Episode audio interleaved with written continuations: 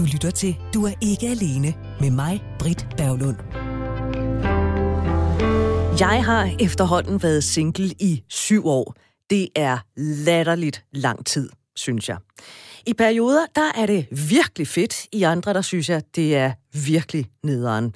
Som jeg nævnte i sidste uge her i programmet, så øh, havde jeg det sådan, da vi blev invaderet af corona, at nu er løbet så kørt. Vi må ikke mødes med andre folk. Man skal blive hjemme. Nattelivet det er lukket. Caféer er lukket. Bar er lukket. Så hvordan skal jeg dog nogensinde finde kæreste? Jeg skal åbenbart være single for evigt. Det kommer ikke til at ske. Og det gider jeg faktisk ikke. I hvert fald ikke lige nu. Det svinger nemlig sådan lidt op og ned om, hvor på fedhedsskalaen, jeg synes, at singlelivet det ligger. Jeg havde en ret skøn sommer der i øh, 2020. Så havde jeg et øh, OK efterår, og så ramte mørket. Vinteren, kulden, flere restriktioner. Og så skete der det, jeg lige pludselig gik i jagtmode. Eller i hvert fald noget derhen af. Jeg blev i hvert fald mere aktiv på den der åndssvage Tinder-app, og det har der også kastet et par mere eller mindre gode oplevelser af sig. Men ikke mere end det, så ja, jeg er stadig single. Og det her single-univers på Radio 4, det skal jo altså langt fra kun handle om mig, selvom det godt kan lyde sådan. Det her, det er lige så meget dit program, som det er mit, så derfor, mens jeg husker det, jeg kender jo kun til singellivet med mine øjne, så hvordan ser det ud med dine? Hvad synes du, at programmet her skal handle om? Står du øh, med den ene fod på vej ud i singellivet? Har du brug for nogle økonomiske fifs, eller vil du råbe andre singler op om et eller andet? Skriv til mig med hensyn til det, dine tanker kredser om, ikke alene, snabelagradio4.dk. Og har du lyst til at være med i programmet, ja, så er du altså også mere end velkommen. Der er endnu ikke kommet opdateret tal fra Danmarks Statistik, der øh, blandt andet holder øje med, hvem vi er og hvordan vi lever. Men de seneste tal per 1. januar 2020, de viste, at lige over 1 million øh, husstande bestod af en person. Så den lige over 1 million og 50.000. Og mange af os, øh, vi er singler. Hvor mange, det er der ikke sådan eksakte tal for, fordi øh, det måler man ikke på. Men vi er mange, og oven i den der 1 million, der kan man så lægge for eksempel også de, der bor i kollektiv eller deler en bolig sammen med andre. Men hvordan kommer det til at ændre sig i den nære og i den fjerne fremtid? Kommer det overhovedet til at ændre sig? Vil vi se værdien i at være sammen to og to med både det sure og det søde, eller vil vi fastholde vores egoist-tilværelser? Det er det, som det her program det skal handle om. Og ja, vi er igen ramt af coronarestriktioner. Vi skal se så få som muligt, og her der tager vi selvfølgelig også restriktionerne alvorligt. Derfor så er Jakob Olrik, som egentlig skulle have siddet over for mig, i stedet med på en linje ude fra virkeligheden. Seksolog og forfatter Jakob Olrik udgav i efteråret bogen, der hedder Kærlighedens Mysterier. Velkommen til, Olrik. Tak skal du have. Jeg har lavet en regel her i programmet for at vise, at øh, vi alle sammen har en eller anden form for erfaring med singlelivet. Vi har jo været der på et eller andet tidspunkt i livet og høstet en vis erfaring. Så Jakob, hvis du nu, øh, nu beder jeg dig lige om at kaste et kig tilbage i dit voksenliv, ikke? Hvor mange års ja. single-erfaring vil du skyde på, at du har? Og oh, det er mange, hvis jeg sådan skal lægge, lægge sammen, ikke? Mm.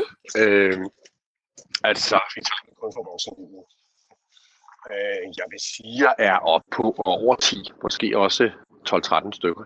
Du er på en 12-13 stykker. Det vil sige, at vi to vi har så til sammen, ja nu skal jeg jo så til at regne, så har vi måske en... 20 øh, stykker. Øh, vi har måske en 5-28 års øh, samlet erfaring. Det er der også noget at trække på. Nå, Tak for det. Ja. Øh, lad os lige, øh, jeg har din bog med i studiet her. Titlen den er jo som sagt Kærlighedens Mysterier. Så er der en undertitel, nemlig Navigation til den eneste ene, prik, prik, prik, dig, udråbstegn. Øh, Olrik, hvad ved du med den undertitel?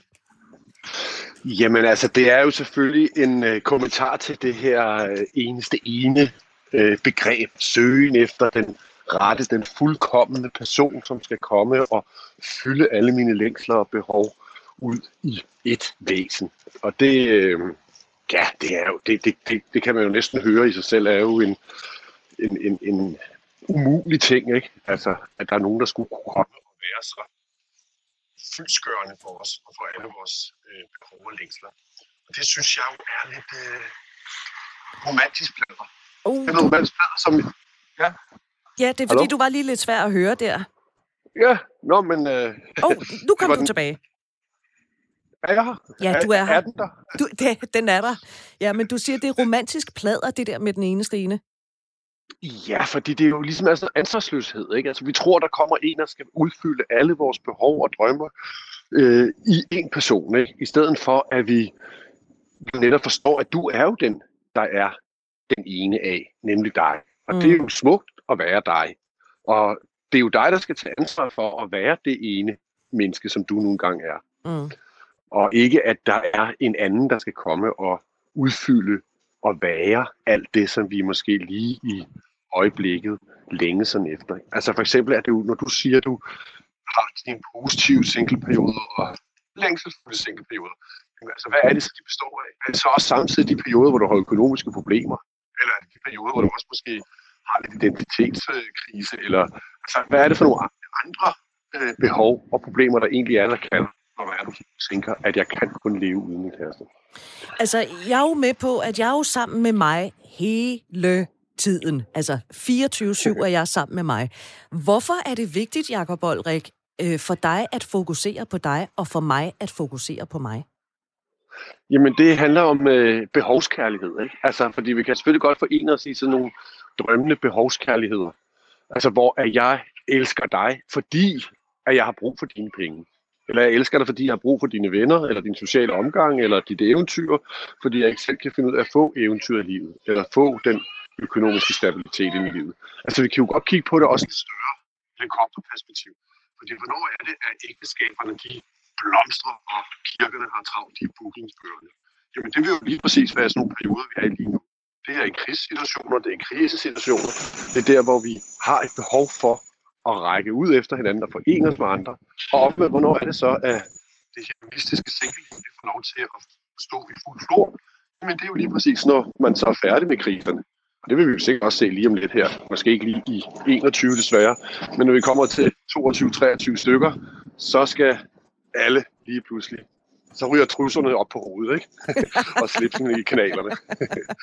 altså, øh, og det her, det, det er jo faktisk også noget, men, du, skri, du skriver i din bog, at, at det er, når vi er kede af det, når vi er i krise og eller vi er ensomme, så kan vi godt øh, overvælde af en lyst til at finde en, som, som vi kan elske, og som omvendt også kan give os opmærksomhed og kærlighed. Og corona, ja. som vi nu har været igennem i næsten et år, det er vel netop ja. det, der gør os kede af det, der gør, at vi føler, at vi er i krise og fremmer den der ensomhedsfølelse. Tror du, at der er udsigt til, at vi øh, altså bare her allerede i løbet af det her forår, bøgen springer ud, forhåbentlig kan vi komme lidt tættere på hinanden. Folk, de kan ane en eller anden vaccine ude for enden af tunnelen, at det er der, vi så begynder allerede der at, at, øh, at støve jagttegnet af? Det helt sikker på. Altså, der er ligesom øh, to sider. Det ene det er, at når vi øh, at der kommer en årgang, som vi kunne kalde 20, 20 årgangen, den bliver jo nok, nok mere 2021, for de skal jo lige fødes først i børn. der kommer en slags babyboom ud af det. og der kommer også en, øh, øh, der er mange, der ligesom er blevet kærester, coronakærester og sådan noget. Ikke? Altså, der er kommet meget på den måde øh, parforholdselementer ind i det, men lige så snart vi kommer over det, så kan jeg love dig for, at vi er blevet så tykke bag ørerne alle sammen, så det bliver en stor sprøjten champagnefest. Altså, det er, altså, det, du kan jo, der er jo, man kan jo kigge på det sådan historisk, og så sige, om der ikke er nogle rimelig store kende uh, lighedstegn, ikke? Altså for eksempel fra de glade 20'er, ikke? som jo også kom efter en, en uh, epidemi, og også en krig, også lige kom over. Uh, altså, og det her med, når det ligesom har været den her afholdens tid, uh, noget, noget, hvor vi ligesom skulle holde igen, så sparer vi jo også omvendt op. Mm. Jeg læste lige i går i avisen, at danskere har sparet øh, tre gange så meget op i år, som man plejer at have sparet op. Og det tænker jeg ikke er penge, vi syr ind i hovedpuden. Jeg tænker, at det er nogen, vi, der brænder i fingrene på os. Og sådan vil det jo også være med sexlivet, og sådan vil det også være med datinglivet, og med alt, hvad der har med lyst at gøre. Altså det hedonistiske årti, vi bevæger os ind i. Så vi vil, vil have alle mulige forskellige opsparingskonto, både med penge og med, med sex og også med dating? Ja, helt sikkert. Det bliver, det bliver øh, et triple du kommer ud på. ja, jeg glæder mig allerede. Jeg synes, det lyder helt fantastisk. Men øh, noget af det, øh, det her med, hvis, hvis øh, navigationen til den eneste ene, nemlig dig og mig. Altså, øh, vi skal fokusere på, at jeg er den eneste ene for mig. Ulrik, øh, hvis jeg skal begynde at virkelig kigge ind af og pille i egen navle, så er der jo faktisk også en risiko for, at jeg finder ting, som som ikke er så super fede, altså som jeg er nødt til at se i øjnene. Er der ikke en risiko for, at man kan komme til at stå for, over for en lidt uoverskuelig opgave, når man skal kigge på sig selv? Jo, selvfølgelig er det. Altså, det er aldrig omkostningsfrit at begynde at, at tage ansvar. Altså, Og jeg synes det heller ikke, at man skal pille så meget, som man lige pludselig glemmer at række ud efter andre mennesker. Altså, det er ikke sådan, man skal forstå, at man er selv den eneste ene. Det kan lyde lidt ensomt at skulle stå og være den eneste ene. Det er det ikke. Det er, det er, at vi er ansvarlige, vi er selv ansvarlige for at få den øh, lykke og glæde i livet, så vi kan møde andre, der også har lykke og glæde i livet. Så vi ikke er nogle behovssugende svampe, der skal gå ud og forene os med andre og får sådan nogle behovsstyrede øh, kærlighedsforhold. Øhm, og det, det, øh, det, det er ikke særlig rart, fordi så bliver det sådan en afhængighedsforhold, eller hvor man, hvor man enten af den ene bliver trykket ned, for den anden kan trykke sig selv op. Altså, så der ligger ligesom et, og om man er i parforhold eller ej, så er der jo et ansvar som menneske i at være det menneske, du er. Og, øh, og man kan sige, som single har man jo bare en enestående mulighed for faktisk at, at træne sig selv i at at være en, der faktisk fylder sig selv op med sine behov, og ikke en, der skal ud og tække for kærlighed. Altså blive en tigger for kærligheden, men en, der faktisk har et overskud til at give kærlighed til andre. Mm. Og så noget, du nævnte tidligere, som du jo også skriver i, i den her bog med øh, om, om kærlighedens mysterier, det er, at det er altså værd at gøre sig klart, hvorfor man ønsker at finde en at være sammen med. Hvorfor, Olrik? Jamen, jeg vil jo gerne have en kæreste, fordi jeg gerne vil have en kæreste. Det er ikke en grund, grund du godtager, eller hvad? Nej, fordi jeg er sikker på, at du har jo allerede sagt det i din indledning, ikke? at det kan godt være, at du vil have en kæreste. Der ligger helt sikkert en bagliggende tanke, en følelse, der skete lige før, at du fik den, du, den konklusion om dit hoved. I morgen, der har du det skide sjovt, for der er du sammen med din gode veninde Belinda, og I griner der ud af, og der, og, og, og, der har du slet ikke lyst til, at der lige pludselig var en mand, ah, nu kan jeg ikke være sammen med dig mere. Altså, der er mange der er mange begrænsninger og mange ting, som der måske ikke lige er det, du egentlig ønsker dig. Mm. Så, så, hvis du lægger mærke til, at hver gang du egentlig har længsel efter en kæreste, så ligger der en anden længsel lige før. En følelse, en fornemmelse.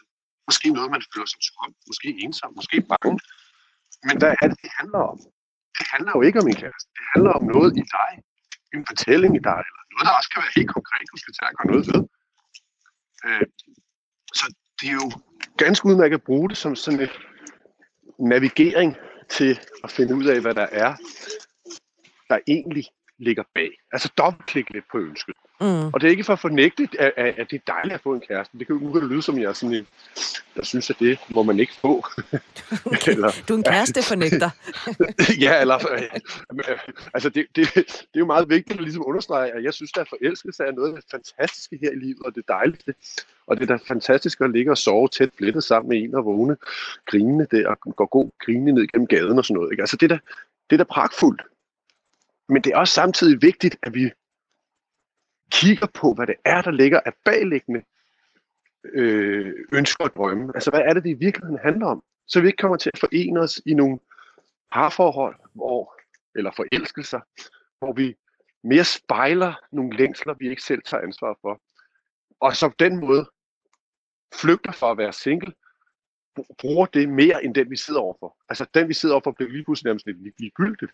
Det ender med, at vi kommer med sådan en sådan en pakke, altså det bliver sådan noget, et tilbudspakke, hvor, ligesom håndværk, hvis man bygger et hus, så kan man få, få nogle forskellige tilbud Så, når du kan lave håndvasken, jamen fint nok, hvad koster det? Ikke? Altså, øh, det kunne også være lettere bare at få det gjort. Og på den måde vil du også blive mere fri til at kunne møde andre mennesker. Og det der med, med at blive mere fri, den, den tanke kan jeg godt lide. Og jeg skal lige sige til, øh, til dig, der lytter med, at nogle gange så er lyden sådan øh, lige lidt mærkelig. Det er fordi, vi har fanget Olrik, som er ude i virkeligheden. Og jeg ved ikke, om det er fordi, du blæser meget der, hvor du er, men nogle gange så forsvinder du lidt. Vi, øh, vi prøver selvfølgelig at holde ja. kontakten til dig. Øh, hvad hedder det? Øh, du stiller også nogle spørgsmål i bogen, sådan nogle skide irriterende spørgsmål, hvor man er nødt til at tænke sig om. Øh, to af dem, det er... Øh, har du selv plads til en forelskelse, og vil du den overhovedet? Det lyder sådan lidt uh, Gita Nørbysk, altså hvem vil ikke være anden? Olrik, hvem vil ikke en forelskelse? jo, men altså, det, det vil vi alle sammen, jeg synes, at forelskelse er noget, vi skal bruge aktivt. Øh, ja, du, jeg, ja. Nå, okay, nu lyder det som om, uh, det, det er lidt som sådan en dårlig date, ikke? Altså, hvor man hele tiden var lidt endnu. det, det minder meget om coronadates, ikke? Altså, jo, hvor man jo. ligesom skal... Er, du der, ikke? Altså, hvad... Jeg kan ikke rigtig se dig, fordi så meget afstand skal vi holde. men, men, øh... Taler jeg til dig, eller er det mig selv? ja, lige præcis. Øhm, jeg ved ikke, om, om, øh, om jeg kan få dig til at tale lidt mere øh, ned i røret, fordi nogle gange så forsvinder du lidt. Men for lige at komme tilbage til mit spørgsmål. Hvem er det, der ikke vil en forelskelse? Vi vil alle forelskelse, og det skal vi da også. Vi skal da bruge forelskelsen som fremdrift i livet. Altså det er jo der, hvor vi får øje på noget, vi gerne vil, noget, der tiltrækker os, om det er mennesker, eller det kan også være et projekt, man forelsker sig i. Altså det er jo det, der gør, at vi bevæger os. Øh, det, der er det interessante i, i, om man overhovedet vil det eller ej, det er jo, at der er utrolig mange singler, som har en idé om, at de vil have en kæreste. Men når man så endelig begynder at grave lidt i det, hvor er det, den kæreste skal være i dit liv? Er der overhovedet plads? Har du tid? Har du følelsesmæssigt? Øh, er der rum til det følelsesmæssigt? Øh, er der et sted, øh, hvor, det, hvor det lige pludselig ender det måske med at blive et meget lille tidspunkt, et meget konkret årsagsbestemt tidspunkt, der hedder tirsdag klokken 17 til 23. Ikke? Altså, og det er jo ikke en kæreste. Det er jo, kunne vi så kalde en elsker måske, eller en ekskapade, en affære. Eller bare en relation. En kæreste. Ja. Eller bare en relation. Det kunne også være, at det bare var en, en, en, en hobby-relation, hvor man gik til noget på det tidspunkt sammen. Altså. Vi går til kæreste hver tirsdag kl. 17.30. ja, kærestepentiflet, ikke? Altså, det sgu da skide godt. Altså, det, det, det, det, bliver jo tit, at det måske i virkeligheden er der ikke rigtig plads til det. Og pladsen er jo også, at når man sådan går videre, jo jo, det her er der. Jeg har helt plads til det, kan det være, at den her person, vi vil undersøge, siger. Nå, hvad er det så? Det her kæresteri er for noget. Hvad er det, første, den her kærestesøgende person begynder at beskrive, det er jo alt det, som den her kæreste skal være. Jamen, det skal være sådan en, der, der, kan, der kan fortælle historier. Det skal være en, der kan, jeg kan holde i hånden. Og vi skal også bare sidde og snakke. Vi skal, altså, der kommer så mange øh, forestillinger om, hvad det, hvad det er, den her kæreste skal kunne komme og, og være. Og det er jo endnu mere et bevis på, at man egentlig ikke rigtig vil have en kæreste. Øh, fordi at hvis det virkelig er, man vil have kæreste, så skulle man jo hellere til at gå op i, hvem du selv er som kæreste. Altså, hvad er det, du vil gå ud og give en kæreste, i stedet for at være, hvad du skal ud og indkassere? Hvad er det for en kæreste, du er, når du når man møder dig, og er sammen med dig, forener sig sammen med dig? Og det, du fokuserer på det, du vil gøre, det du er, så får du jo også, så er det jo også meget mere reelt at møde dig som kæreste, end at mm. jeg skal komme som en eller anden håndværker og bygge rundt på alle dine fejl og mangler. Det er jo meget sjovt, fordi øh, hvis man surfer rundt ude på de, nogle af de der dating sites, eller øh, hopper ind og spiller et spil Tinder, øh, så er der sådan mange, der skriver, at øh, Nå, ja, men jeg vil stadig gerne have min frihed, og bla bla bla bla. Øh, Olrik, når du taler med andre singler, hvor højt vægter de så den frihed, der er ved at være single?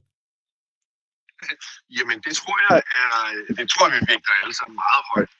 Øh, men igen, sådan øh, årsagsbestemt, ikke? Altså, at hvis det er, at du har tømmermænd, så er frihedsbegrebet lige pludselig lidt mere forhandlings, øh, mere en forhandlingsbar, ikke? Og har man, har man det rigtig godt og succesfuldt og lige fået lønforholdelse, så vil man gerne have rigtig meget frihed til, at man selv kan få lov at bruge sine penge, ikke? ja. Og ja, så, så, det er det her med, det er behovsstyret. Altså, at vi, at vi, vi har noget, vi gerne vil væk fra. Altså, en typisk er en forelskelse noget, der indtræder meget nemt, når vi, når vi gerne vil væk fra noget, vi gerne vil ændre noget, vores sociale stand, eller vores økonomiske liv, eller frygter en verdensomspændende katastrofe. Altså, så, så er det, vi, vi, vi meget nemt kan blive forelsket i et andet menneske, som repræsenterer øh, et, et, et, et, et safe for os. Så hvis du gerne vil være forelsket, skal du bare sørge for at få dig lidt nogle kriser i livet. Jamen, så bliver du pis.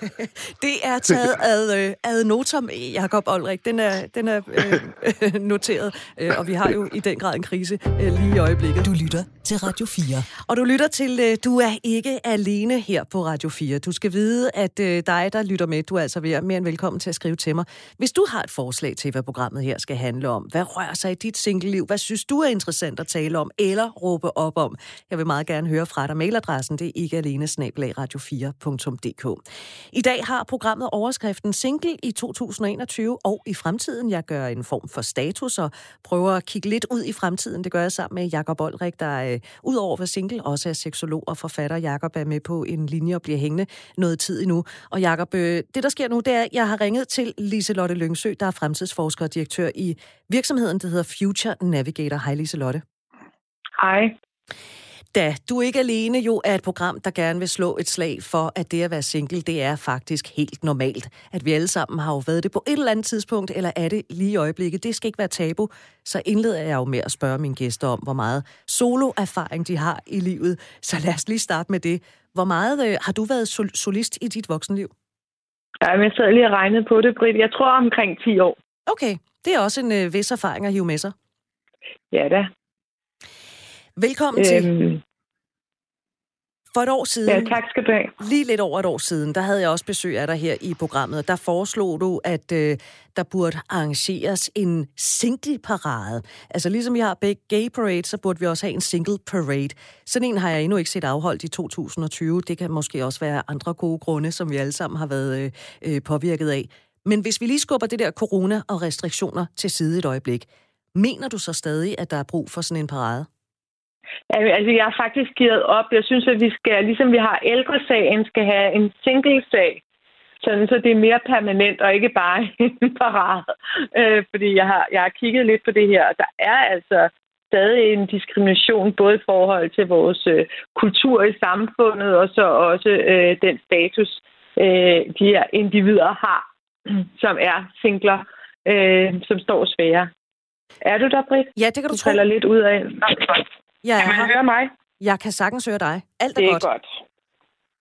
Så ligesom ældresagen øh, fremmer øh, de øh, mærkesager, der er for dem og for de ældre i befolkningen, så burde vi også have singlesagen som fremmede mærkesager for os singler, og måske gjorde noget ved, at samfundet ikke er så hængt op på øh, to voksne og to eller tre børn. Ja, altså var brobygger på, sådan så for eksempel er boligmarkedet fuldstændig umuligt nu. Det er stedet og stedet, og det er næsten umuligt som single øh, at komme ind. Og det, der er sket her under øh, corona faktisk, det er, at skilsmisseprocenten er gået op. Så jeg er ikke sikker på, at jeg kan købe det der med Jacob, der siger, at vi skal have kærester, når vi har krise. Det går i hvert fald også den anden vej. Øh, det er ligesom om, at corona har sat sådan et stort forstørrelsesglas ned over de relationer, der har været, og folk har fået øjnene op for, det her, det dur altså ikke. Og hvis man så er blevet single og skal ud på job eller boligmarkedet og finde, finde en bolig, så er det faktisk stort set umuligt, fordi bankerne har ikke tillid til singler, øh, som de har til par. Hvad vil sådan en, øh, en single-sag kunne gøre for, øh, for opfattelsen af singler hos alle andre, der ikke er singler, og måske resten af samfundet? Ja, nu sagde jeg det lidt øh, for sjov, men man må bare sige, at ældresagen har været enormt magtfuld aktør, øh, og, og øh, single-sagen, jamen det handlede jo både om at lave noget øh, kulturel forvaltning, men også sørge for, at jamen, ferierejserne, at der er lige muligheder, øh, men også måske at lette transitionen, hvis man lige pludselig står som ene mor eller far øh, og har nogle børn. Øh, måske at man øh, Ja, ved, hvad ved jeg? Øh, øh indkøbsaftaler, øh, men også at man måske stiller sin bolig til rådighed. Nu har jeg fire børn, så de uger, jeg ikke har børnene, jamen så øh, var der måske øh, nogle andre, der kunne bruge min bolig, og så kunne jeg flytte ind i den billigste hipster single lejlighed med to værelser øh, den modsatte uge. Et eller andet, øh, hvor vi ligesom øh, kom længere på literen som individer. Det er jo sådan, at parrene står utrolig stærkt over for de her singler, fordi det er bare to mod en. Så det der med at tænke, hvis vi nu var flere mod de to, jamen så øh, kunne man stå stærkere. Nu er jeg jo fremtidsforsker, jeg skal også sige, at jeg er faktisk lykkelig gift for tiden, så nu taler jeg bare med fremtidsforskerbriller her. Ikke? Og det er jo derfor, vi har hævet dig ind, netop fordi du er fremtidsforsker. Men jeg vil godt lige hive Olrik ind, fordi Olrik, hvad siger du til en single parade, eller måske lige frem med en single øh, sagen? Jamen, øh, jeg synes, at der er en pointe, om, om det ligefrem skal være øh, ukrystalliseret i et event på den måde, det ved jeg ikke, men, men der er en meget vigtig pointe, og det er jo den her lidt skæv kiggen til det rigtige og den forkerte måde at udleve sit kærlighedsliv på. Øh, og, og det er jo selvfølgelig med al respekt for de singler, som virkelig, virkelig er øh, enten knuste, fordi de er lige blevet det, øh, eller er det, fordi de virkelig oprigtigt ønsker sig en kæreste. Men så er det jo en livsstil, som jo også følger, skal vi huske, singlelivet, som der også følger med den moderne liv, vi nogle gange har på så mange andre områder. Den selvstændighed, den selvforsynlighed, vi har, den øh, teknologi og alle de ting, der faktisk muliggør, at vi kan leve alene, og vi kan faktisk have stor glæde af det. Og det øh, er jo meget determinerende, at vi hele tiden skal høre og se i underholdningsprogrammer, og øh, når man snakker om statistikker, så er det jo som om, at singlelivet det er den her besmittede sygdom, vi skal passe på. En ny folkevirus, som øh, man virkelig skal holde igen med, fordi hvad vil der ikke ske, hvis vi alle faktisk fandt ud af lyksalighederne ved at være single. Øh, så, så, så der er der noget helt klart noget rigtigt i det. Det sagde Jakob Oldrik, og jeg har også øh, Liselotte Lyngsø, der er fremtidsforsker med. Øh, Liselotte, hvis jeg lige citerer noget fra din hjemmeside. Din kærlighedsstatus er også din status i samfundet. Det skriver du på din hjemmeside. Hvad mener du med det, når det kommer til os singler? Jamen det er, at det på mange måder overrider, hvad man ellers har. Så kan du være direktør i en stor virksomhed, du kan alt muligt andet. Og så er du så staklen den enige mor eller far. Øh, så så det, det er, og så gør det, at man bliver sådan et, et offentligt bytte i det øjeblik, at du er single. Jamen, så har alle lige pludselig øh, en ret til at blande sig i, øh, hvordan du lever dit liv, om du skal finde en eller rådgive dig på alle mulige måder. Øh, så du bliver ligesom alles øh, egen del, hvor at hvis du er i parforhold, så er du fredet, så er du helle, så er der ingen, der må spørge dig. Øh, men hvis det skulle være lige, hvis vi skulle demokratisere det, jamen, så skulle der være lige så meget ret til at sige, jamen, hvad er det egentlig for et parforhold, I har? Skulle I ikke få noget terapi, eller har du overvejet et brud? For det der går der slet ikke. Det kunne man aldrig drømme om at udsætte øh, et parforhold for, men, men der er singler altså sådan et, et levende bytte.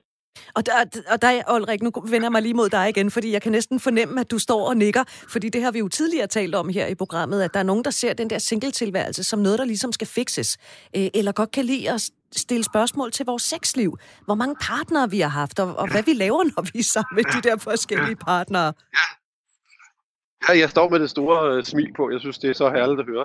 Altså, fordi det er jo så rigtigt, ikke, at man sidder der i selskabslivet. Så hvorfor skal singler, de, de, der har man ret til at spørge, Nå, har du været ude og, og få detaljer fra sexlivet? Det er sådan en underholdningsbombe, der kommer ind i de, de røvsyge parforholdsmiddag, ikke?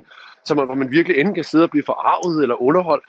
Og det er jo helt rigtigt, man kunne aldrig finde på at spørge et par, Nå, hvordan går det med jeres sexliv? Ikke? Fordi man, for først har vi ikke lyst til at høre det, fordi vi ved, der ikke sker noget. så, så, så vi, Nej, det var lige men, man må ikke spørge om det. ja, vi vil i hvert fald ikke spørge om det.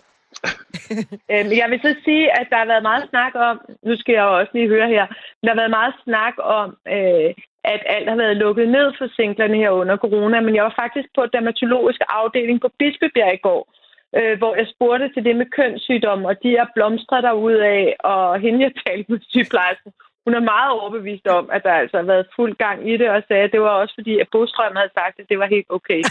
Så det er ikke sådan, at der er en eller anden helt vild prop, der skal vil jeg lige sige. Hvad, hvad, hvad siger du til det, Olrik? Der er kønssygdommene, de har det i hvert fald godt. Ja, jamen altså, det tror jeg gerne på. Men altså, der er, øh, altså, der er virkelig der er en singelprop derude. Det, jeg får så mange henvendelser. Ikke fordi det skal være specielt videnskabeligt, men der, det er i hvert fald en fornemmelse, en intuition, at der er et virkelig et længselsbehov for at kunne komme ud og dele, og komme ud og møde nogle andre mennesker, fordi at, øh, man holder sig tilbage. Og der er selvfølgelig er der jo altid det snusset, der foregår bag nede i kælderen og rundt omkring alligevel. Øh, så det, det er der jo heldigvis. Vi, kan jo ikke, vi er jo seksuelle væsener, og det vil man nok være den sidste restriktion, man nogensinde kunne gennemføre. Vi er seksuelle væsener, det er vi nemlig. Øhm, nu fortæller Liselotte Lyngsø, at Øh, skilsmisser, øh, det er noget, vi kommer til at se en, en, øh, på bagkant her af, af corona. Jakob Olrik, hvert år der stiger antallet af danskere, der bor alene, hvis man kigger på Danmarks statistik. Men på trods af det, så virker det til, at det at være voksen single stadig er noget, der stikker ud. Hvorfor er det, at, at man ikke i samfundet eller alle andre ligesom vender sig til, at singler, de skulle lige så gode som par er? Ja, der ligger jo, altså der er jo både sådan en øh, større samfundsmæssig perspektiv i det, og så er der jo sådan vores øh, egen fortælling om, hvad der er, der gør os lykkelige. Altså hvad der er, der gør jer, der er lykkedes i kærlighedslivet. Og der er det jo fortællingen om mor, far og børn. At man finder den her øh, partner, den her mage, som der ligesom passer perfekt ind til mig, og, og kan og kan være det her supplement. Ikke bare et supplement, men faktisk være en symbiotisk tilstand med mig. Altså det er jo en, øh, en, en, en 100 år gammel fortælling, som vi bliver ved med at bære rundt på, men som på ingen måde passer med det samfund, vi lever i, som jo på alle mulige andre måder sætter store krav og frihedskrav til os, til at vi skal selv kunne være selvforsynende, selvkørende, selvuddannende, selvopretholdende, øh, og, og egentlig også lønner os for det. Men når det så kommer til den måde, vi skal organisere os i kærlighedslivet på, jamen så er vi tilbage til 1800, 1900, 1800-tallet, hvor den hvide brud blev opfundet for første gang og det passer bare ikke sammen. Nej, jeg kom bare lige til Lotte Lyngsø. Ja. Jamen, det er bare øh, sådan, så hvis jeg lige skulle sådan, tage til det her samfundsbillede på det, så det er ligesom om, singlerne er de er på vej, øh, parforholdene er i mål. Og det er jo sådan en meget gammeldags måde, som Jakob også er inde på, at man har fået en uddannelse, så er man i mål. Man får et job, så er man i mål, så kan man få et guldur, og så kan man blive ved til pension. Alle andre steder i vores liv, der er vi jo på vej. Øh, at tingene er noget, der er i bevægelse, og det handler ikke om et endemål. Det handler om at være i live og i udvikling og i øh, relationer og relationsskabende. Men meget det der med, at det er i hvert fald det, vi fremtidsforskere taler om, at, at fremtidens vinder, det bliver jo dem, der er aktive, udadvendte, opsøgende, i bevægelse, øh, hvor at dem, der binger og er passive og ser til og ligesom øh, håber på, at der kommer et eller andet tidspunkt, hvor der ikke sker mere, og nu stopper det, jamen det er dem, der, der får det rigtig svært. Og der må man sige, at, at det er rigtig ærgerligt, at vi definerer det hele ud fra, at du par eller er du single, i stedet for at kigge meget mere på menneskets tilstand, lige meget hvilken status de er i. Altså, er du i bevægelse, øh, eller er det bare noget, der ligesom skal... Den der idé om, at, at det er bare noget, jeg, jeg er bare i bevægelse lige nu, og så lige om lidt er jeg i mål, og så kan jeg ånde lettet op. Det er jo en illusion. Vi lever så længe, at, at vi skal igennem mange forskellige faser i vores liv, og der kommer ikke ligesom det der endemål, vi havde i gamle dage. Jakob Olrik, hvad siger du til det, som Liselotte Lyngsø siger her? Vi, altså, vi burde se på menneskets tilstand i stedet for så se på statusen, altså øh, parforholdsstatusen, civilstatusen. Men det er jeg meget enig i. Altså, det er, øh, man kan sige, på den psykologiske front, så, øh, så er det det her med at stoppe med at betragte single som en pausetilstand. At det er ligesom sådan noget between jobs, ikke? Altså, hvor man, hvor man står i sådan et vaderum, indtil der kommer den næste men forstår det som en livssituation, der lige så vel er en udviklende og mulighed for at få glæde og lykke i livet, som det at være par. Lige så vel som det at være par kan være en, en, en, en stillstandssituation, en måske endda en tilbagegang for, for, for, for den udfoldelse, vi nu har, så kan, så kan så den ene situation er ikke bedre end den anden. Og det handler udelukkende om, hvordan vi selv betragter os selv. Og det skulle vi hellere tage at fokusere på, i stedet for at kigge på den status, som vi har. Altså fjern statusen fra det. Liselotte Lyngsø, her under øh, corona, som jo øh, snart har været over os i et års tid, hvordan har udviklingen da været? Går det i det mindste i den rigtige retning med hensyn til ikke-singlers opfattelse af singler? Nej, det vil jeg sige, det har nærmest været tilbageslag. Det er jeg ked af at sige, men det har jo været øh, de stakkels øh, personer, der sidder det har næsten været på linje med at skulle hjælpe en hjemløs og række ud til, til de singler, for at de ikke sidder og gror helt til. Altså, det har været, øh, så, så det har egentlig været ret barsk. Øh, fordi at, at folk har jo været i isolation. Du har haft en jul her, hvor at det var din nærmeste boble, øh, der måtte være med. Der har været den gamle øh, bedstefar, og så øh, har der altså ikke været plads til øh, singleveninden, der sad øh, og ikke skulle være sammen med nogen. Så, så øh, det, har, det har været barsk. Bliver det sværere eller nemmere at være single, når vi forhåbentlig inden for en overskuelig fremtid får buk med corona og kommer ud på den anden side? Ah, men det bliver meget, meget lettere, og der kan man sige, det er, så er det hævntid. så øh, er der nogen, der kommer til at sidde og tænke lidt over deres status, og tænke, kunne jeg ikke være med til de fester? Det, det bliver øh, og sådan er det, har det altid været, at hvis noget har været en knap ressource, så kommer man vi pludselig til at lægge meget mærke til at tage et andet menneske i hånden, hvis det har været forbudt et års tid. Øh, man kommer virkelig, virkelig til at mærke det første snav. Ikke? Altså, det er, sådan er det, så, så bliver det gjort ekstremt stærkt.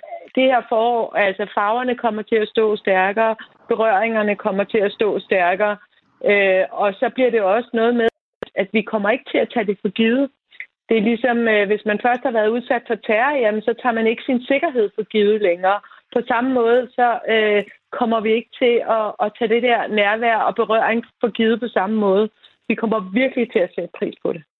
Altså, Liselotte Lyngsø, jeg vil sige, jeg synes, det er synd for dig, at du er i parforhold, fordi øh, det der snav, det glæder nu jeg mig da... Du ikke, hvad slags øh, parforhold jeg er i, vel? Oh, nej, det, dig for meget. det gør jeg jo faktisk ikke. Det er en meget god pointe. Øh, Jakob Olrik, Liselotte Lyngsø siger, øh, farverne kommer til at stå øh, klare. Det bliver også payback time for os singler. Det bliver nemmere at blive single på den anden side af corona. Ja, det bliver i hvert fald sådan, at der er, øh, ja, der er jo den her fest, som jeg også talte om før. Ikke? Altså, der mm. står en fest forude. Og vi kan også bruge en anden analogi. Ikke? Altså, det er jo det der med, hvis man øh, inden for seksologien har vi et begreb, der hedder tantra, ikke? Altså, hvor man ligesom holder igen, og man hele tiden sådan prøver at bygge det op, i stedet for bare at forløse det. Og der kan man sige, at det, der var før corona, der var singlekulturen måske også meget sådan en hurtig forløsning, en hurtig udløsning, og mange singler talte også om den her forvirring og at miste sig selv i datinglivet osv. Så, så jeg tror egentlig, det har været meget sundt for os alle, os singler, at få en mulighed for at komme lidt ud af virvaret og vivlen og sammenligningens uro, der også ligger i, om, om den, hvordan man nu er placeret i hele det her single race. Så man lige kunne trække vejret, og lige få sådan mærke sine lyster, mærke sine behov, og mærke alt det, man i virkeligheden længes efter. Og alt det, man så lige pludselig finder ud af, at man faktisk ikke behøver, ikke mindst. Ikke? Alt mm. det, som der måske bare var støj. Så vi kommer tilbage på en helt anden måde. I virkeligheden en meget sundere måde. En udrenset måde. Og så er det jo, at det er helt rigtigt, at der, hvor vi så endelig får kysset og forløsningen, så bliver det en kæmpe fyrværkerifest. Altså. Og, og selvom Lise, ja. selvom uh, Lise Lotte ja. fortæller, at, at kønssygdommene, de har det altså godt uh, i forhold til de mennesker, hun har talt med, og der er stadigvæk nogen, der også har, har knaldet her under corona, det er jo dejligt, så uh, er der måske også mange af os, der uh, her under corona har levet livet, som var det en lang uh, tantrastilling. Ja, det kan man sige, og det er der jo, øh, det, det, det fremmer nydelsen. Altså, jeg, øh, jeg bruger det jo selv som sådan et, et greb til, hvis man ligesom skal have noget sensitivitetstræning, ikke? Altså, og det synes jeg også, man mærker som single i sådan en periode her. Man, man netop mærker mere, hvad det egentlig er, der er et berøring, eller øh, det, det, der egentlig er mødet med et andet menneske, eller nysgerrighed på andre. Og så udover det, så har det altså, er det altså også muligt at lige sige til alle dem, der længes efter date, at man kan sådan set godt date. Man kan bare gøre det på nogle andre ja. bruge kreativitet og opfindsomhed. Og det er virkelig også noget, der er en kæmpe, eller bare en kæmpe mangelvare, både som single, men bestemt også som par. Altså, at det her, det sætter kreativitet og opfindsomheden på, øh, giver det faktisk gode, gunstige vilkår, så vi kan prøve os selv og møde andre mennesker Lise Lotte Lyngsø, hvis vi nu lige uh, kaster et blik ud i fremtiden, fordi du er jo fremtidsforsker. Hvis vi nøjes med sådan bare lige en, en 5-10 år, øhm, hvis man kigger på tøjmoden, så var der på et tidspunkt, så blev kassebukserne, de blev øh, populære igen. Buffalo-sko, det blev det helt store hit i 2019. Tror du, vi vil se et modtræk til, øh, til den der single, nogen vil måske kalde det egoisttilværelse, som mange af os lever nu, at, øh, at man vil søge mere øh, tosomheden end single-tilværelsen i fremtiden? Altså, jeg, jeg øh, synes, at det vi ser, det er et, et, et patchwork af rigtig mange øh, familieformer, hvor at det ikke giver mening længere at kun at tale i singler og par.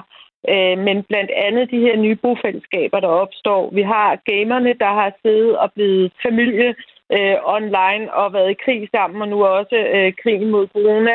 Jamen, de finder ud af, at vi skal bo sammen. Så vi har store grupper af unge, for eksempel, der flytter ud sammen. De ved godt, at der er seriel monogami. De har selv oplevet skilsmisser. Øh, så det der med at være en landsby, der opdrager et barn, i stedet for bare øh, at være sig selv. Så det er med at indgå i nogle, øh, nogle fællesskaber, hvor man passer godt på hinanden, så vi får en meget mere, kan man sige, hybrid øh, samfundsstatus, end om man er øh, single eller par. Øh, men, men man ligesom kan koble sig ind i nogle større fællesskaber også, eller, eller selvskabte familier, om du vil. Og der er et kæmpe pres lige nu igen med et boligmarked, hvor det så er rigtig svært at kunne gøre det, men hvor vi måske får mulighed for at flytte uden for byerne. Netop her oven på corona, hvor vi har lært, at vi kan arbejde på distancen, nogle af os, og vi kan indrette os øh, på nogle øh, nye måder, hvor vi ikke er så afhængig af, af lokationen, så kan, får vi faktisk mulighed for at opbygge en ny slags øh, familie omkring os selv. Og, og igen her under corona, jamen, så er det også vist, at, at det, er de, det er de nære, lidt længerevarende investeringer i relationer, der har givet på her, øh, hvor man så virkelig har lært hinanden at kende, i stedet for måske at sappe så meget. Øh, og det kunne også være noget af det, vi tager med os ud i den her øh, fremtid. Og så kommer der alle mulige øh, måleenheder, der simpelthen måler på os øh, og vores evne til at, at skabe netværk og være i relationer. Så det bliver en, det bliver et, et parameter for succes, at du har nogle tætte, nære relationer omkring dig, men det behøver ikke at være det traditionelle parforhold.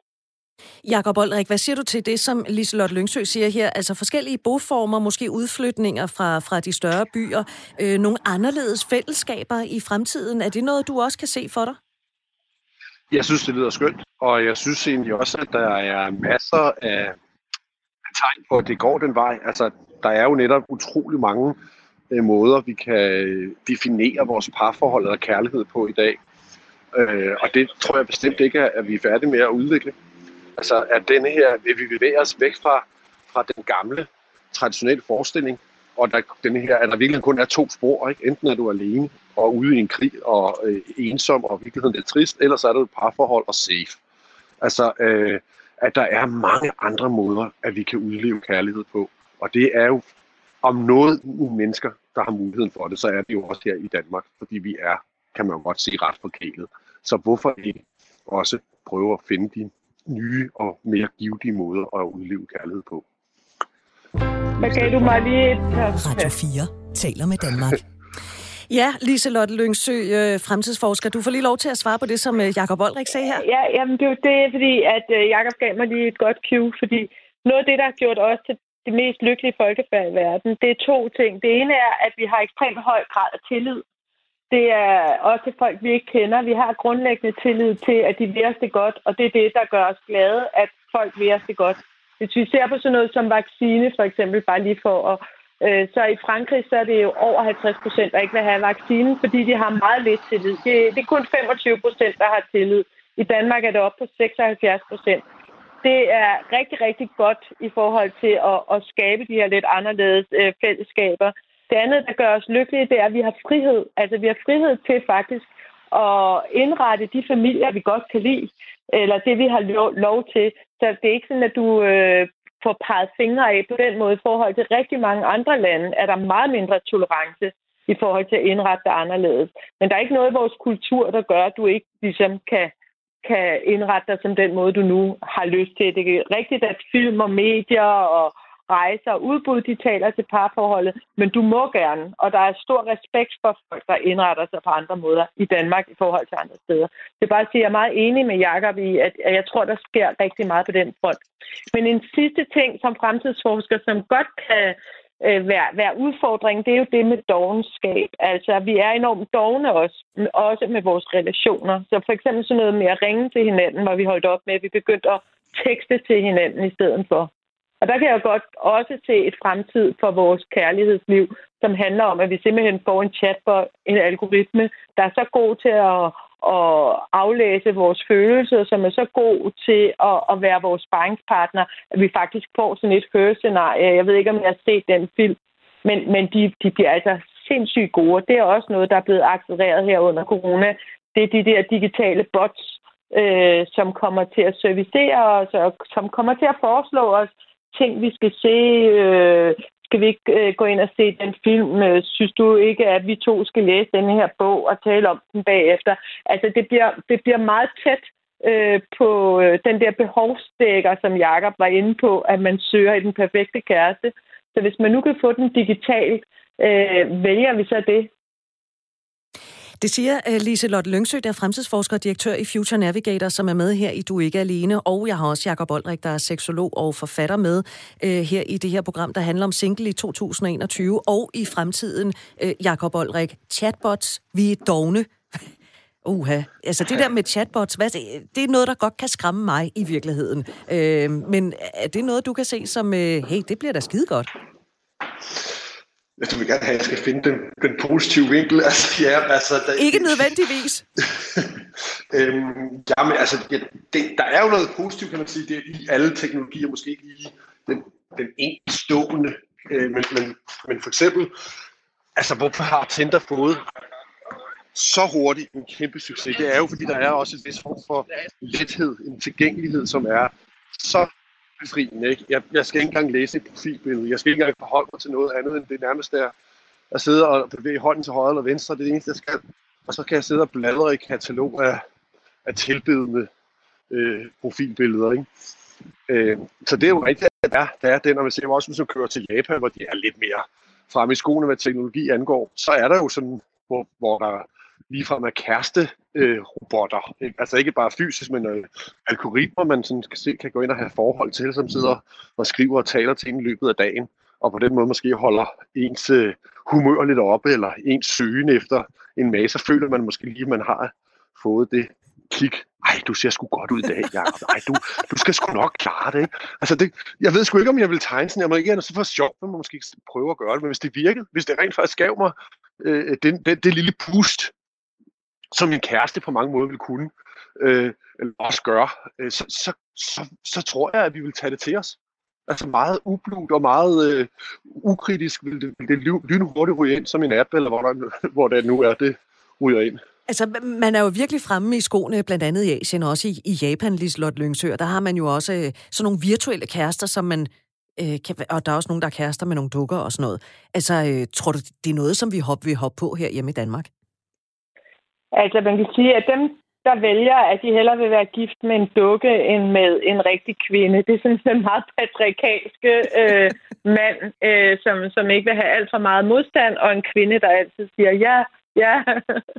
øhm, men, men hvis det er den der diskussion og udvikling, øh, jamen så tror jeg godt, det kunne blive et supplement, men det kunne også udfordre os til, at det kunne udfordre parforhold igen. Så kunne det tvinge os til udvikling, at man lige pludselig fik en tredje eller fjerde eller femte partner ind over til at udfordre øh, de hverdagsbeslutninger, du kører på automatpilot, sige, nu har du talt sådan og sådan, skal vi to ikke tage en løbetur, og så tale om, hvor dejligt det var, og øh, hvordan du kan mærke din krop bagefter rent erotisk, eller hvad det nu kan være. Altså, så vi bliver begivet, hjulpet ud på nogle udviklingsrejser, som vi aldrig selv havde drømt om.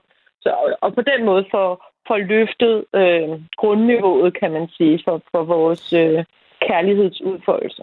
Det er godt nok. Også sådan noget med, at man kan faktisk høre i diskussion, okay, øh, her der er der en mønstergenkendelse, viser, at 90 procent af de her to, de bliver skilt. Fordi at når man først taler på den måde, uden den eneste grad af respekt for den anden, jamen så kan vi godt se, at de falder fra inden for et år. Så får du simpelthen sådan en early warning også, så du får sådan en, en stok med dig ind i relationerne, der kan, kan guide dig lidt, ikke? Det er godt nok en vild verden, vi lever i. Øhm, men hvis vi nu kigger på sådan rigtige mennesker, der er jo sådan en yngre generation på vej, som lader det til, er meget mere opmærksom på at rumme hinandens forskelligheder og forskellige livsformer. Altså, de ser ikke nødvendigvis køn, de ser ikke hudfarver, de ser ikke seksualitet, de ser øh, personligheden. Øhm, hvordan ser fremtiden ud på længere sigt for singler status i samfundet, øh, Liselotte Lyngsø? Bliver det hele udvisket af de kommende generationer, fordi de bare er mere rummelige end, øh, end os gamle får? Ja, altså vi taler jo om, at der er segments of one. Ikke? Altså jeg har ikke længere behov for at putte dig i en boks, fordi at datamassen kan sagtens kapere, at Brit er Brit, så du behøver ikke at blive puttet i boks med alle mulige andre. Øh, det sagt, så tror jeg stadig, at øh, det er en gruppe, som flipper helt ud netop, hvis der sker øh, direkte diskriminering, og det kan være altså i film eller i udbud Øh, og så vil de netop være sådan nogen, der vil starte en single-sag eller et hashtag, øh, hvor at det altså hedder, øh, at det er single, ikke? Øh, der skal varetages. Fordi de netop er øh, meget i, at vi alle sammen skal kunne udfolde os selv med alle de øh, facetter, vi nu engang tager med os. Jakob Olrik, hvad siger du til de kommende generationer, som måske ikke nødvendigvis ser på køn, hudfarve og seksualitet? Øh, bliver det nemmere at være single i fremtiden? Måske nemmere tror, også at skifte partner? Ja. ja, og køn for den sags skyld.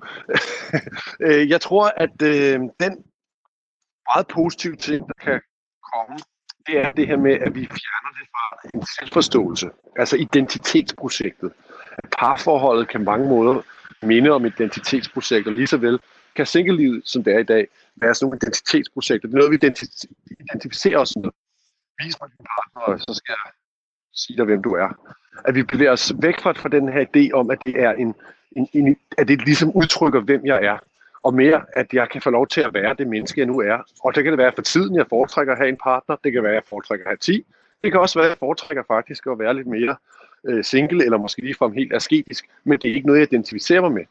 Det er ikke noget, der ligesom udtrykker, hvem jeg er. Det kan kun højst magt sige, hvad jeg lige foretrækker for tiden. Det synes jeg er en positiv tilgang til det.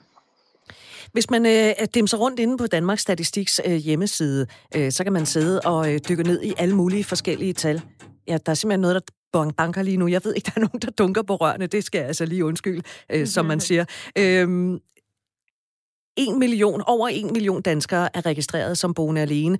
For 10 år siden, der var det lige under en million, og for 20 år siden, der var det så lige over 900.000. Liselotte Lyngsø, den her udvikling, der har været igennem mange år med, at der er flere og flere, der vil være registreret som boende alene, er det en, der bare vil fortsætte, tror du? Ja, også fordi, at de lever længere. Øh, så man kan sige, der er lige det arbejder bare, at de skal jo altså have børn, og vi har jo øh, en biologi, som er helt tilbage til jeres samlersamfund, og den handler altså om det der med at formere os og få lavet nogle, nogle trygge rammer omkring vores afkom. Det er også lidt skeptisk over for, for, for Jacobs med, at vi ikke må øh, mate ud fra at, at se nogle behovsdækninger i den anden, om det er en stærk økonomi øh, eller øh, en stabil far eller noget andet. Der er jo også noget fint i det, fordi det handler jo om netop at lave nogle trygge rammer omkring de her børn. Men den fase, den bliver jo relativt kortere i forhold til alle de andre livsfaser, vi skal igennem. Øh, så så øh, det kommer nok til at at fylde mindre i statistikken, øh, det her parforholdsinterval. Du skal lige have lov til at svare, Jacob Olrik. Jo, jo, vi har der noget biologi, som har øh, bragt os langt hen ad vejen, men vi er jo frigivet fra den biologi på alle andre områder. Facilitetsbehandlinger, kønsskifteoperationer, identitetsprojekter i kærlighedslivet er jo fuldstændig blevet krystalliseret ud i små atomer. Så vi er jo ikke på den måde biologi, vi er jo kultur i dag først og fremmest, som kontrollerer en biologi. Så vi er jo frit Det kører jo helt altså, instinktivt, at, at man bliver tiltrukket til... Det er en lang diskussion. Det er en lang ja. diskussion, fordi der er jo mange... Øh, altså, det, ja. det, tror jeg ikke, vi får, vi får reddet ud her. Men øh, mit, mit synspunkt er i hvert fald, at det, biologi, det er, det er noget, vi, vi er skabt af, men det, der former os, det er kultur. Biologi er noget, vi er skabt af, og det, der former os, det er så kultur. Det bliver i hvert fald spændende at så se, hvordan øh, fremtiden den, øh, den viser sig for os singler. Sådan som øh, jeg umiddelbart hører jer to, så lyder det som om, og det glæder jo mit lille radiohjerte, at det her program stadigvæk vil have en eksistensberettigelse i lang tid fremover. Liselotte Lyngsø, hvis jeg ringer til dig om fem år, og så siger, har du lyst til at være gæst igen, så vil du ikke blive specielt overrasket, når jeg siger, at vi skal jo tale om singler. Nej, men øh, der, der er det jo så spørgsmål, om vi stadig gider at tale om den gruppe som kategori, eller om vi bare skal lave et menneskeprogram. Det er virkelig ja. en god pointe, Jacob Det synes jeg er en god idé. ja, ja lad, os, lad os netop øh, projekt, og så bare, i stedet for at være parforholdsmenneske eller single-menneske, kan vi så ikke bare få lov til at være mennesker? Kan vi for Søren da ikke bare få lov til at være mennesker? Øh, Liselotte Lyngsø, øh, fremtidsforsker og direktør i det, der hedder øh, Future Navigator. Tusind tak, fordi du vil være med her. Selv tak. Og Jakob Olrik, seksolog og forfatter, Kærlighedens Mysterier, Navigation til den eneste ene, prik, prik, prik, dig, udråbstegn. Øh, tak fordi, at du vil være sammen med mig og også øh, fortælle om, øh, om din bog, og også om noget ja, af det, der det står altså i den. Og der kan jeg sige, der er jo, øh, ja. der er jo øh, tre dele. Den, den del, der fylder aller, allermest, det er jo øh, del 3, der hedder kærlighedskompasset. Og det er fordi, Jakob Olrik, ja. som jeg forstår det, når først vi ender i den der i kærlighedens klør, så er det bare skidesvært at være til, ikke? Jo, det er i hvert fald øh, her, vi måske kan komme til at blive lidt, øh, sløse lidt hen og blive lidt tjusket med vores kærlighed. Og øh, ideen med kærlighedskompasset er jo at, at give et værktøj, så vi kan sørge for hele tiden at holde os øh, vågne og, og, og, og gøre den kærlighed, vi gerne vil have, gøre den levende. Mm. Og det gør vi så ud fra et kærlighedskompasse, som hvor øh, verdenshjørnerne er skiftet ud med fire værdier, som vi så kan bruge til ligesom at navigere efter. Respekt, hengivenhed og øh, viden. Og mangler en. ja, det er de der vandrør, der banker der. Ja, At, har du en beundrer? Der, det, måske er der en, en, en tilbeder, der ved står hvad, derude. Ved du hvad, jeg håber sådan, at det er en eller anden, der står netop og banker på for at komme ind. Om ikke andet, så bare lige en times tid. Jakob Olrik, øh, forfatter, seksolog, Kærlighedens Mysterie, den seneste bog, der er kommet for dig. Tak fordi du vil være med i programmet her. Det er godt. Tak skal du have selv. Og som jeg sagde, det lyder jo altså som om, at det her program godt kan have en eksistensberettigelse, i hvert fald i noget tid fremover. Lige nu, der holder jeg dog en uges pause, fordi vi nærmer os en omgang nyheder her på Radio 4. Men jeg vil jo altså rigtig gerne høre fra dig, om, hvad du synes, at programmet her det skal handle om. Du er velkommen til at skrive til mig på mail. Min mailadresse det er ikke alene radio4.dk. Så siger jeg tak på forhånd for den mail, også hvis du har lyst til at være med, så øh, skriver du altså også bare til mig. Du har lyttet til Du er ikke alene her på Radio 4. Du kan hente det her og tidligere programmer som podcast. Det kan du gøre enten i Radio 4's app, eller der, hvor du plejer at hente dine podcasts. Og så høres vi ved. Nu er der nyheder. Programmet er produceret af Pibesource Productions for Radio 4.